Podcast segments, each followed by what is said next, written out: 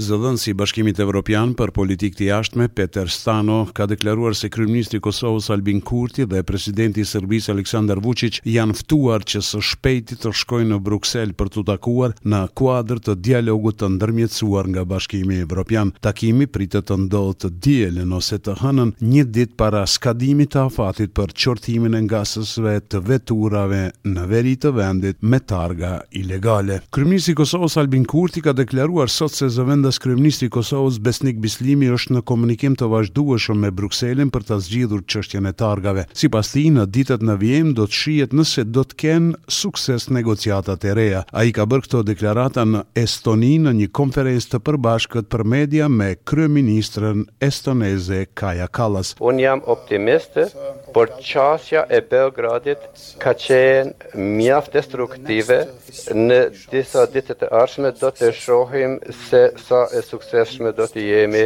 në këto negociata të reja. Kemi nevojë për marrëveshje përfundimtare me Serbinë për normalizim të plotë të marrëdhënieve me njohje reciproke. Kryenegociatori i Kosovës në dialogun me Serbinë, Besnik Bislimi, ka deklaruar mbrëmë se në kërkesën e partnerëve ndërkombëtarë për shtyrjen e afatit, prej prej dhjetë muajsh për konvertimin e targave ilegale në RKS, ka munguar strategjia e ndërkombëtarëve se çka ndodh pas atij afati dhjetë mujor. Ai deklaroi se nuk ka pasur garanci se çfarë do të ndodhte pas dhjetë muajsh. Është një tendencë që gjithmonë problemet, telashet shtyhen për më vonë. Por kur unë pyes çka ndodh në gusht të vitit dy mijë e njëzet e tre, përveç që ju vini prapë edhe thoni shtyjeni edhe dhjetë muaj, nuk ka pas përgjigje, këtu është problemi. Nuk ka pas mekanizëm apo strategji të qartë që thotë ne bashkë me ju sigurohemi që deri në gusht zhduken tabelat ilegale në Kosovë. Kuvendi i Kosovës me gjashtëdhjetë e katër vota pro ka miratuar në parim projektligjin për ndarjen buxhetore për vitin dy mijë e njëzet e tre.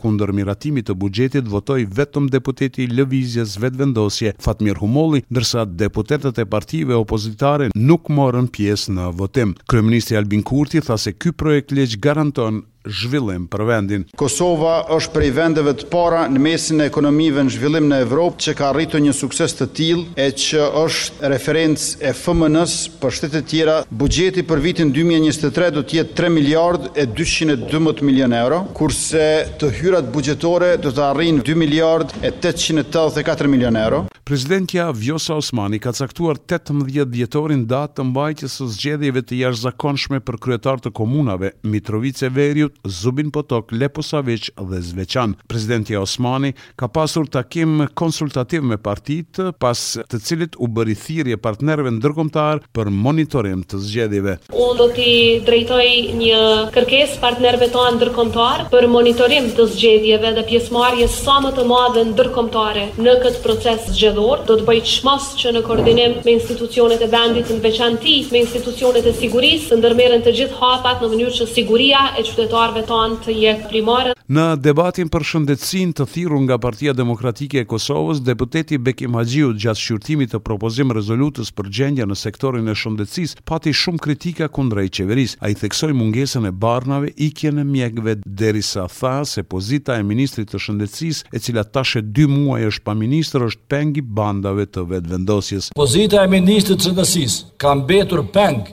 e grupeve të interesit brenda Lëvizjes Vetëvendosje dhe koalicionit me Listën Guxo. Dhe për pasojë, shëndetësia jonë po udhëhiqet nga ushtrues detyre, e që nuk ka guximin as të vijë sot të përballet me deputetët për sektorin e shëndetësisë. Ish-ministri i Shëndetësisë, deputeti i LDK-së, Armend Zemaj, derisa foli për gjendjen e rënduar në shëndetësi, theksin e vuri te ikja e mjekëve nga Kosova. Kosova po përballet me largim të profesionistëve shëndetësorë, për shkak të pagave të ulëta, të trajtimit të keq të punonjësve dhe këta janë shtyllat kryesore të shëndetësisë. Ndërkaq deputeti i AAK-së, Shemsedin Dreshaj, tha se gjendja në shëndetësi është alarmante. Ligjet kapitale të premtuara nga Ministria e Shëndetësisë që do të realizohen deri më pesëmbëdhjetë nëntor ende nuk kanë kalu as nëpër komisione parlamentare. Sigurimet shëndetësore askund. Për vitin që vije, fondi për sigurime shëndetësore është zero për qind. S'është i paraparë fare. Ndërkohë, deputetja e Vetëvendosjes, Fatmire Kollçaku, tha se sa është prioritet shëndetësia sipas saj, tregon buxheti i ndarë për këtë sektor. derisa tha se vetë kryeministri Albin Kurti është vënë në krye të shëndetësisë për ta fuqizuar atë. Buxheti për vitin dy mijë e njëzet e tre është për shëndetësinë janë nda 296 milion euro dhe atë mbulimin e listës së barnave esenciale ku janë buxhetuar 80 milion euro Kjo e shoqëruar me punën që tashmë ka nisur në revidimin e listës esenciale të listës së barnave, pra që do të ketë standarde të reja. Ministria e Mbrojtjes ka njoftuar se gjatë periudhës kohore tetëmbëdhjetë nëntor, njëzet e nëntë nëntor do të ketë lëvizje të trupave dhe makinerisë të FSK-së në konvoj ushtarak nga të gjitha kazermat e saj në drejtim të zonës së stërvitjes në Babaj Bokës të Gjakovës. Kjo sipas njoftimit do të jetë në funksion të realizimit të stërvitjes fushore Ujku i Nëntorit me qëllim të testimit të aftësive dhe kapaciteteve të njësive të Forcës së Sigurisë së Kosovës. Për Radion SBS, Mendu Hysa, Prishtinë.